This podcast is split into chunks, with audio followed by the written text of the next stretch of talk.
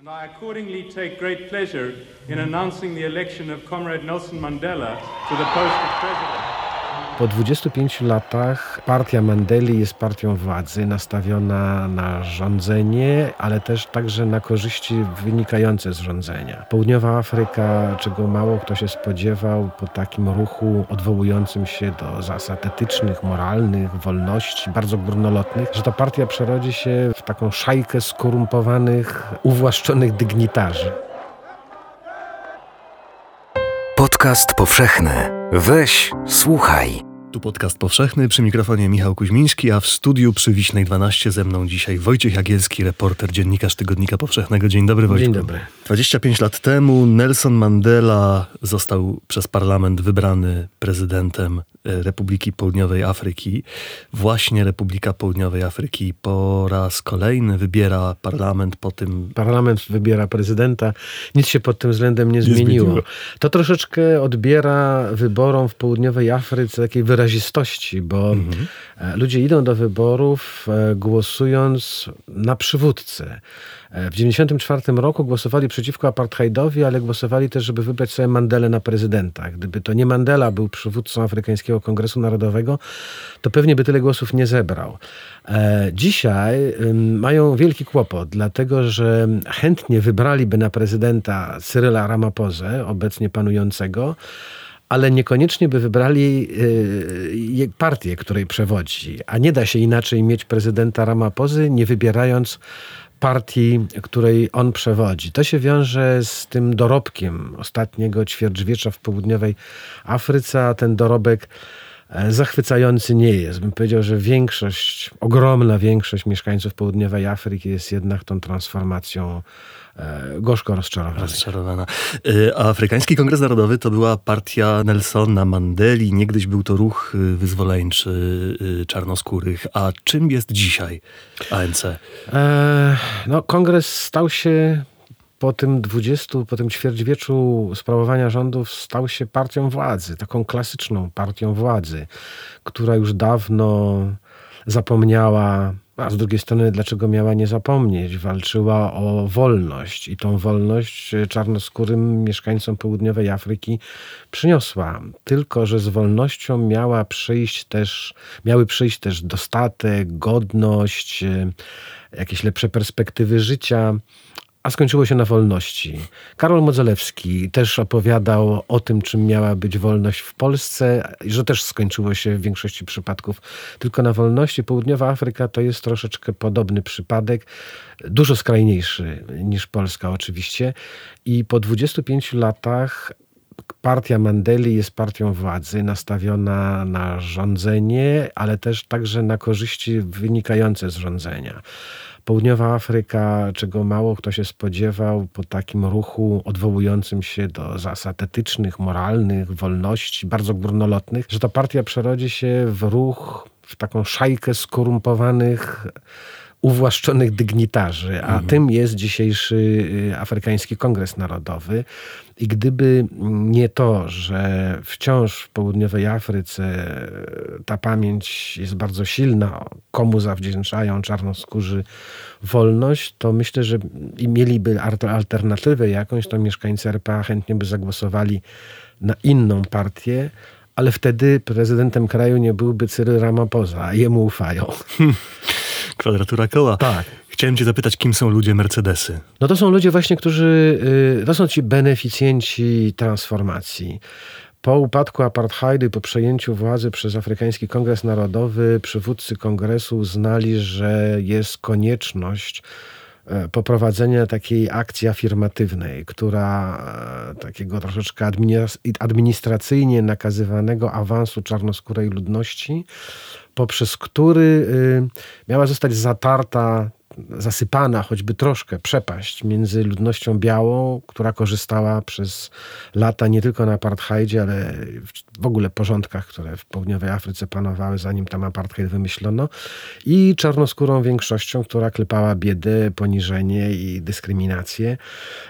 Zasada może i była słuszna, natomiast ona przerodziła się, wypoczwarzyła się właśnie w takie uwłaszczenie rewolucjonistów bo biały biznes, który był przymuszany do tego, żeby wchodzić w jakieś związki partnerskie z czarnoskórymi, najchętniej do swoich rad nadzorczych, czy na takie stanowiska na pokaz. Spotkałem wiele firm, e, znałem, czy spotkałem ludzi w wielu białych firmach, czarnoskórych, którzy byli angażowani na stanowiska dyrektorskie, nie mając kompletnie kompetencji. Hmm. Potrzebny był, przepraszam, przepraszam za określenie, potrzebny był murzyn, który miał zrobić swoje, a robota murzyna to było dobrze zaprezentować się przed rządzącą partią. Hmm. Mając czarnoskórego w zarządzie, nawet niekompetentnego, temu biznesowi łatwiej się było bronić przed zarzutami o rasizm, a także y, ubiegać się o wszelkiego rodzaju przywileje wynikające czy wiążące się z tą akcją afirmatywną.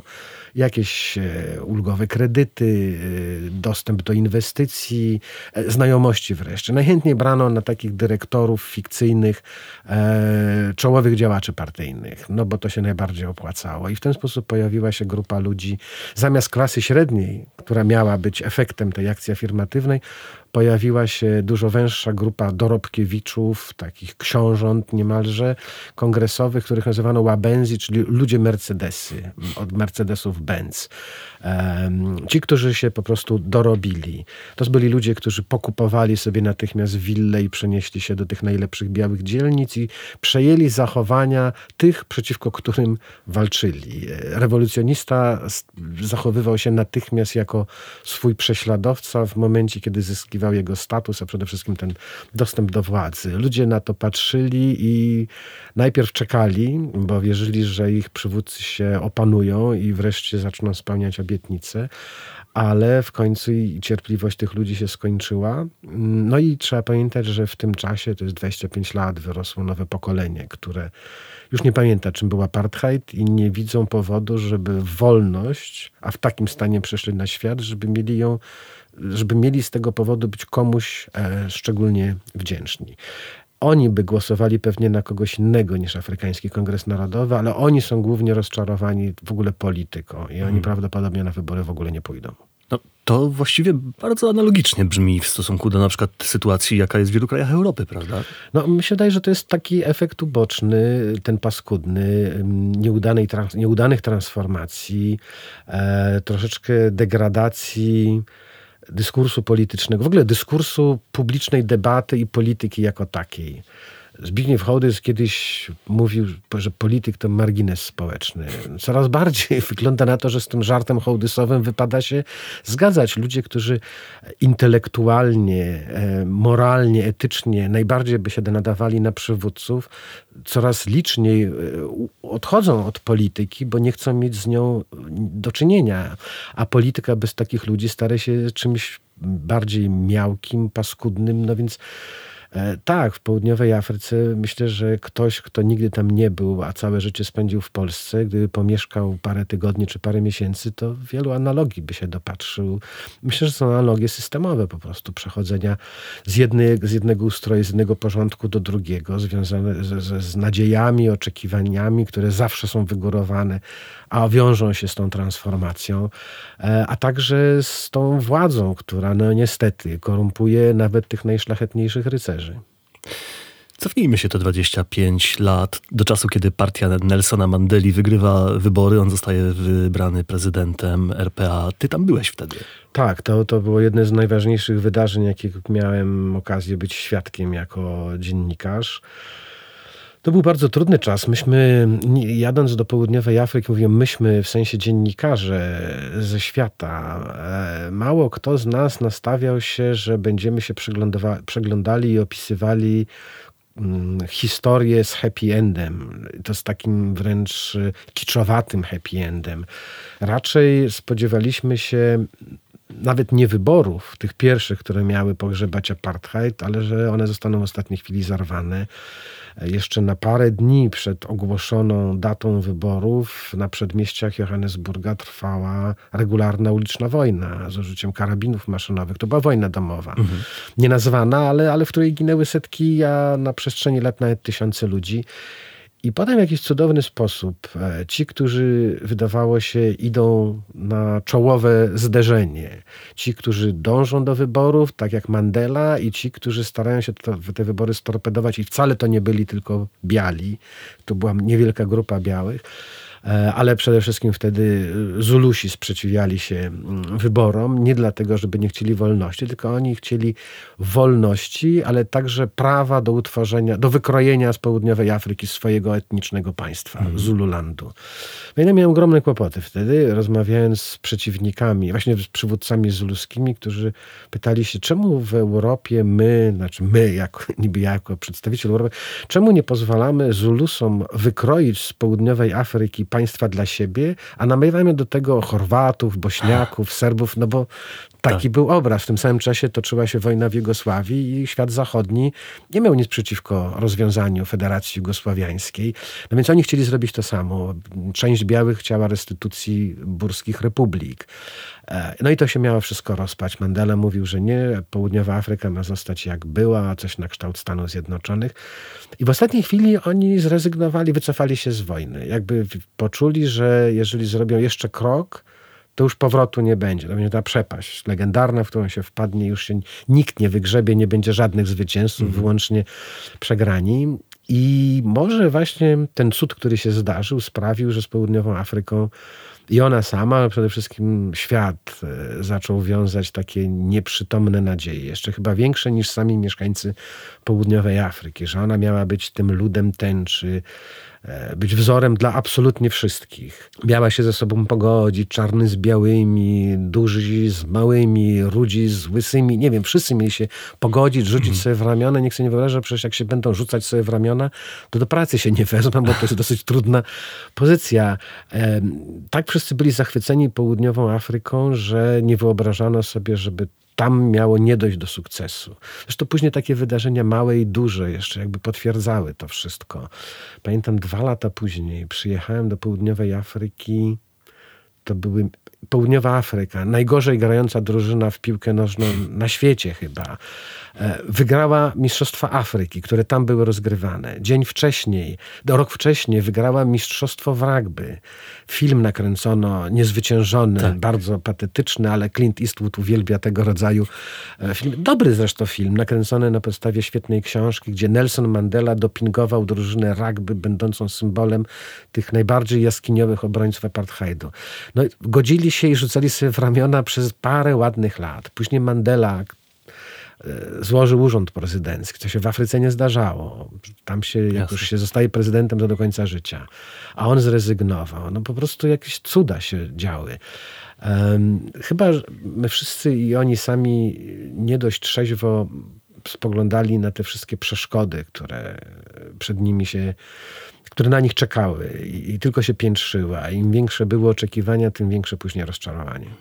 Jest jakiś moment, jakaś, jakiś, jakiś etap y, historii tego kraju, w którym zaczyna być widać, że to, że to wszystko kruszeje, że nie da się, tak jak mówisz, pracować trzymając się nawzajem w objęciach? Najłatwiej byłoby powiedzieć, że to jest rok 2008, czyli obalenie przez Kongres Narodowy swojego własnego prezydenta. Wojna pałacowa, w wyniku której został obalony następca Mandeli, Thabo Mbeki, i władzę przejął Jacob Zuma, na hmm. którego dzisiaj zrzuca się całą winę za wszystkie zło.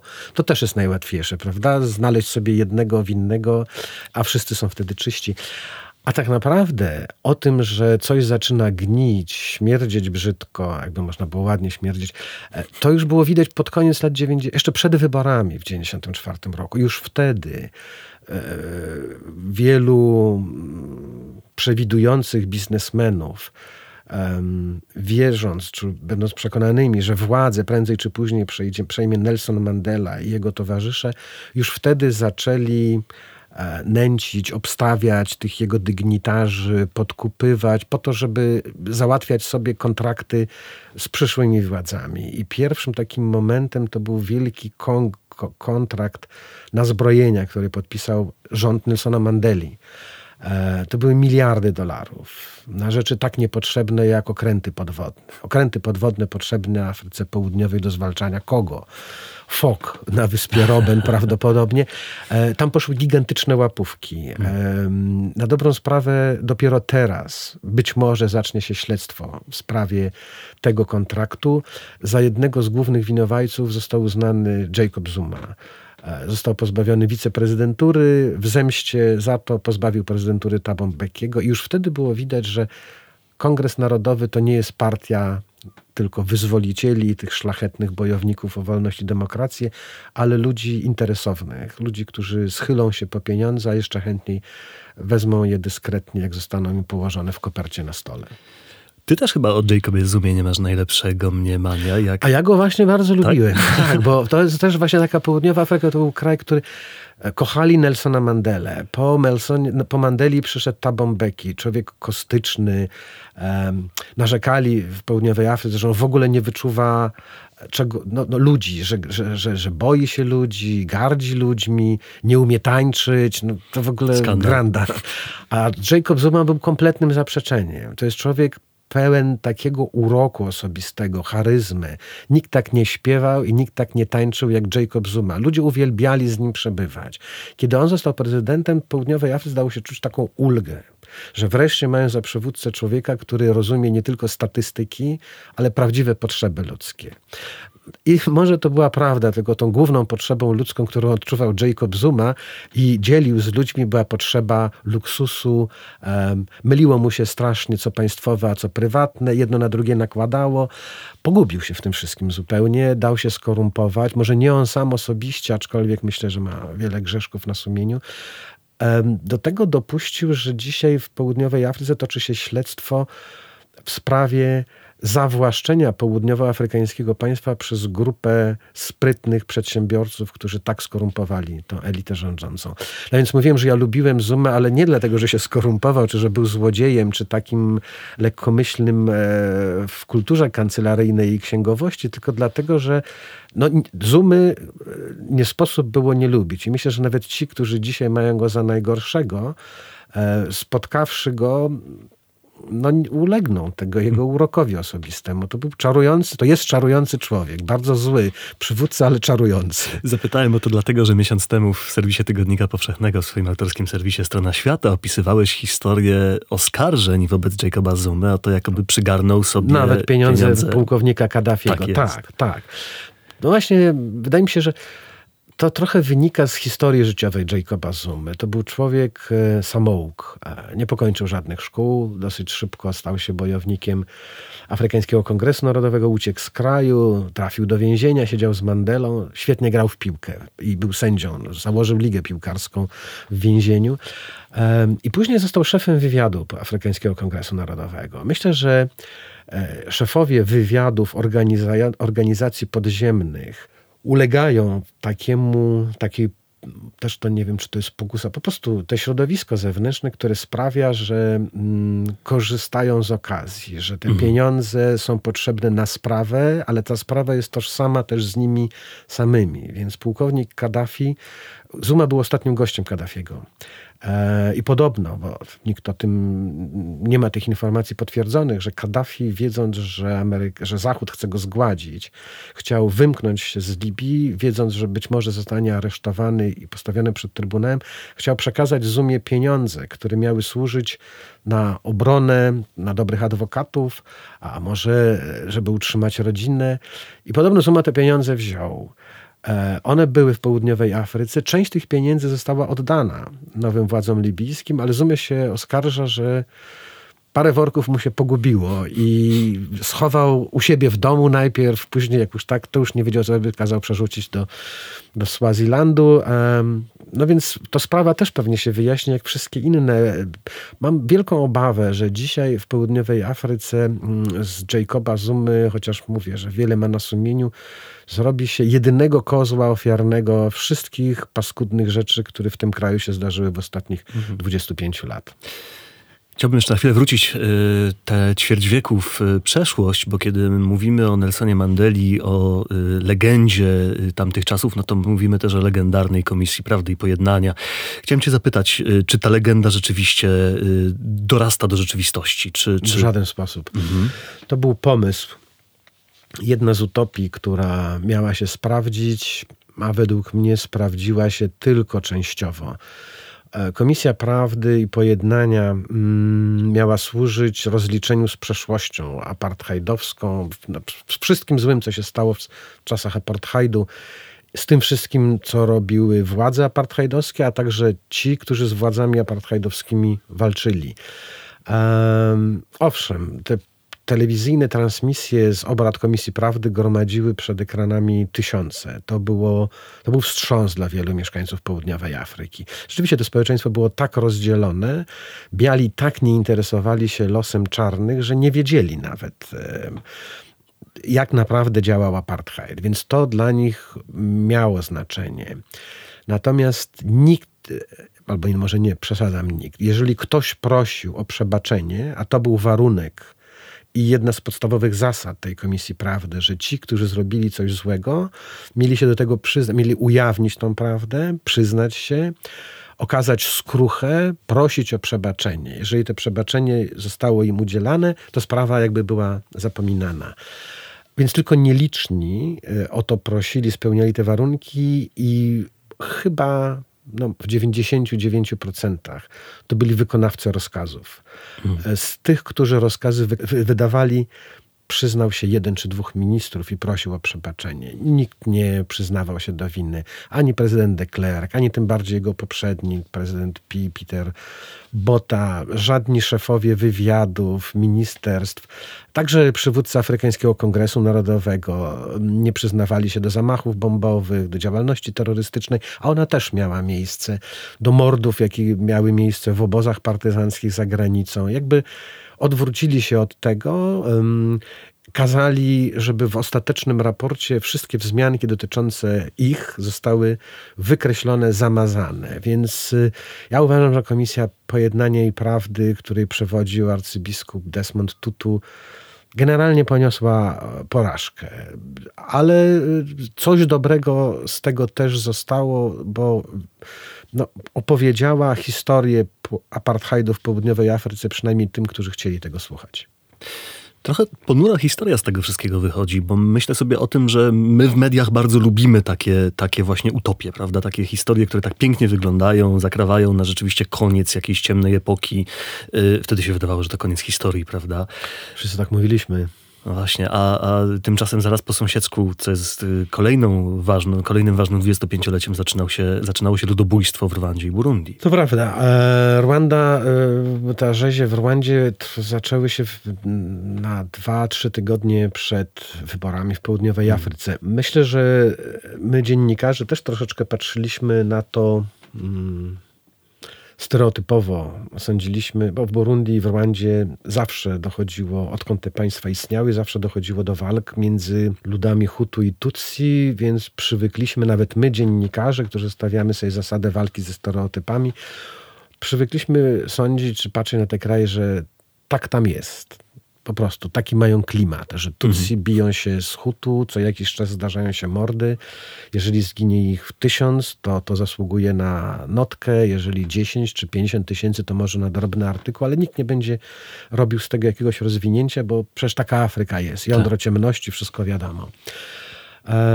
No, okazało się, że tym razem ta, ta, ta, ta, te, te, te, te walki przekształciły się w zbrodnie ludobójstwa, której, której bez miaru nikt sobie nawet nie wyobrażał.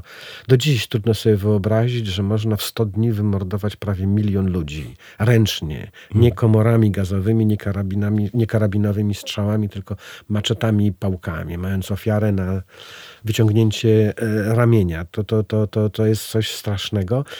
E, I jeszcze bardziej trudno sobie wyobrazić sytuację tych nielicznych, którzy przeżyli, e, którzy znaleźli się w kraju wyzwolonym przez ich rodaków, przez Tutsi, którzy przyszli w odsiecz mordowanym, ale z Ugandy. I ci przybysze z Ugandy kazali tym ofiarom o wszystkim zapomnieć Nawet zabronili im mówić o sobie, że są Tutsi. Tak samo jak Hutu zbrodniarzom zabronili mówić, że są Hutu. Um, no trudno sobie wyobrazić kogoś, kto przeżył taką traumę, który ocalił życie, ale bardzo często za cenę utraty godności, bo myślę, że inaczej się nie dało żeby dziś jeszcze nie miał prawa do tego, do zemsty, mhm. do, do, do nienawiści czy do sprawiedliwości.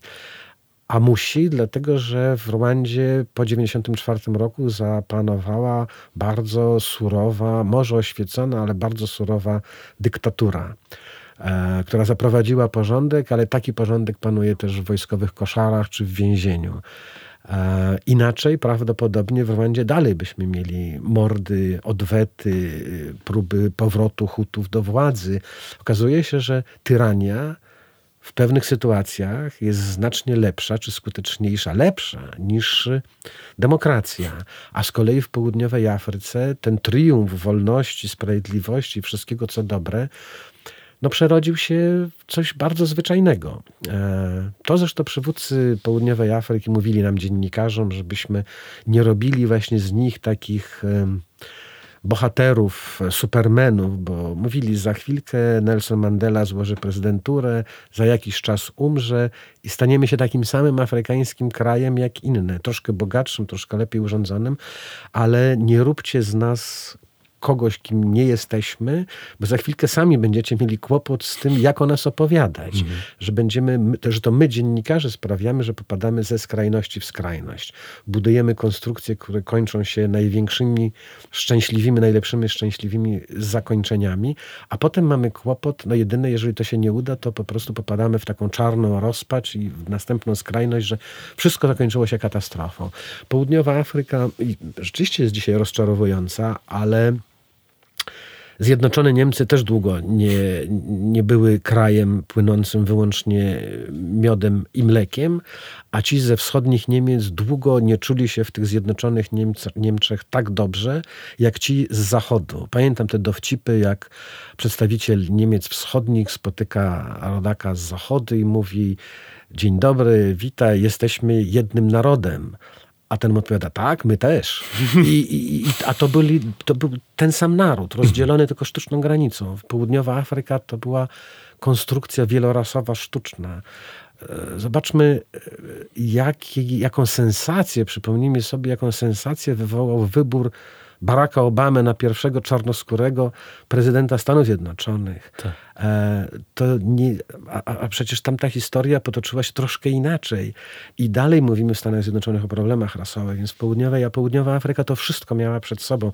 Jakoś sobie z tym radzi. Natomiast no, nie jest supermenem z całą pewnością. Mm. Kiedy rozmawiamy, wyniki wyborów w Republice Południowej Afryki jeszcze nie są znane, więc e, nie chcecie pytać o e, komentarze e, przedwczesne, ale chcecie zapytać o taką bardziej długofalową wizję. Mówisz, że, że to oczywiście przed tym krajem jeszcze wiele i że nie wszystko jest od razu y, możliwe, ale jakie wektory tam się teraz układają? Intryguje mnie to młode pokolenie, które ma dość polityki w ogóle. Czy tam można się w najbliższych latach, może dekadzie spodziewać jakichś dużych zwrotów? Czy to rzeczywiście będzie taki powolny, powolny, ale jednak rozwój ku normalności? Mam dużo obaw e, wiążących się z południową Afryką. Po 25 latach od upadku apartheidu jest to kraj o największych przepaściach społecznych, większych niż Brazylia, Indie czy Rosja. Tego się nie da tak łatwo zasypać. Jest mnóstwo polityków odwołujących się do najbardziej populistycznych haseł, które przynoszą najwięcej głosów wyborczych. To też nie jest fenomen południowoafrykański, widzimy to po sąsiedzku i u nas w kraju. Południowa Afryka, dzisiaj mówi się, że Południowa Afryka i Nigeria, czyli dwie najpotężniejsze teoretycznie gospodarki kontynentu, zaczynają być balastem dla Afryki. Że zamiast e, pomagać Afryce, one jej ciążą, że Afrykanie przecież mogliby imigrować do Południowej Afryki czy do Nigerii, a wyjeżdżają do Francji czy do Włoch. Mhm. Um, Mówi się, że południowa Afryka z powodu tego populizmu, kryzysu gospodarczego, no trudno sobie wyobrazić, że w południowej Afryce mają kłopoty z zaopatrzeniem w energię elektryczną. Są stopnie zasilania. To niewyobrażalne było kiedyś. A wynika to też z korupcji, która tam zapanowała. E, jednym ze scenariuszy, który jest możliwy dla południowej Afryki, jest scenariusz zimbabweński wojna o ziemię. Zawsze zdarzy się polityk, który gotów będzie obiecać sprawiedliwość dziejową i odebranie ziemi białym farmerom. Rolnictwo dzisiaj z powodu globalizacji, z powodu tego, że nie jest konkurencyjne wobec rolnictw ze Stanów Zjednoczonych czy z Chin, no z Chin może nie, ale no z innych części kontynentu, to rolnictwo e, wiedzie, wiedzie mu się dużo marniej niż kiedyś, ale jednak jest mocnym fundamentem gospodarki południowoafrykańskiej. Nie wyobrażam sobie, co by tam się miało zdarzyć, gdyby się powtór, doszło do powtórki Zimbabwe. To jest społeczeństwo, do którym dochodzi raz zarazem do wybuchu jakiejś takiej furii ksenofobicznej, gdzie południowoafrykanie dokonują pogromów imigrantów, którzy jednak wciąż ściągają do południowej Afryki. Więc to jest jeszcze mroczniejszy obraz. A z drugiej strony to nie przypadek, że wszyscy przyjeżdżają jednak do południowej Afryki, bo tam się żyje wciąż dużo lepiej niż, niż gdzie indziej na Czarnym Lądzie. E, z południowej Afryki mi się przypomina takie zdarzenie sprzed lat, kiedy przyjechałem do południowej Afryki z fotoreporterem który był pierwszy raz, był drugi raz w Afryce. Pierwszy raz był w Sudanie. Wylądowaliśmy w Johannesburgu i on był zbulwersowany, e, rozczarowany, że gdzie ja go przywiozłem, że to jest Kalifornia jakaś, Londyn, a nie południowa Afryka. Mhm. I to wtedy była już takie przepaści. Południowa Afryka, ta dobra, najbardziej rozwinięta, niczym nie odstawała od świata zachodniego. Natomiast dzisiaj wciąż te enklawy niczym nie odstają od świata zachodniego, ale znajdziemy takie miejsca, które są, można byłoby przenieść i y, przyjęłyby się w tych najbiedniejszych, najbardziej zacofanych, pełnych przemocy i beznadziei e, miejscach na kontynencie afrykańskim. Więc to bardzo jest trudne zadanie przed Południową Afryką, ale to jest kraj, gdzie historia nigdy nie była łatwa. Na koniec nie mogę nie skorzystać z okazji. Bardzo chciałem Cię zapytać jeszcze o y, inne rejony świata. Właściwie zadać Ci pytanie, co słychać w świecie, o czym być może na pierwszych stronach naszych gazet się niekoniecznie dowiadujemy. No to jest bardzo takie mm, pytanie podstępne, bo jeżeli bym zaczął opowiadać, o czym nie piszemy, to znaczy, że nie piszemy także my. E, to znaczy, byłoby to takie dudnienie się we własne piersi, ale to poniekąd więc nie powiem o czym żeśmy nie napisali, a co zasługiwało na to, żeby napisać, bo o wszystkim ważnym w Tygodniku Powszechnym piszemy. Natomiast y, wciąż chyba za rzadko wracamy do historii, które przecież mają swój dalszy ciąg. Pisaliśmy o nowych rewolucjach, o wiośnie arabskiej, która obaliła prezydentów w Algierii, w Sudanie. Tam w dalszym ciągu coś się dzieje. Mhm. E, zaczęła się przed miesiącem nowa wojna w Libii. Zaczęliśmy ją, nie napisaliśmy, co się dzieje dalej. O tym wszystkim z całą pewnością do tego wszystkiego będę wracał i będę pisał. Wydaje mi się, że wciąż za mało, nie tylko u nas, ale w ogóle, a może przynajmniej w Polsce, pisze się o sytuacji na Bliskim Wschodzie, w Iranie. Od 1 maja Stany Zjednoczone wprowadziły już takie rzeczywiście ostre sankcje e, wobec Iranu. Nie pozwalają nikomu z Iranem mieć nic wspólnego, niczym handlować, zwłaszcza nie kupować od Iranu ropy naftowej. I sytuacja w Iranie a w związku z tym w tym regionie Bliskiego Wschodu mnie zaczyna się wydawać mocno niepokojąca.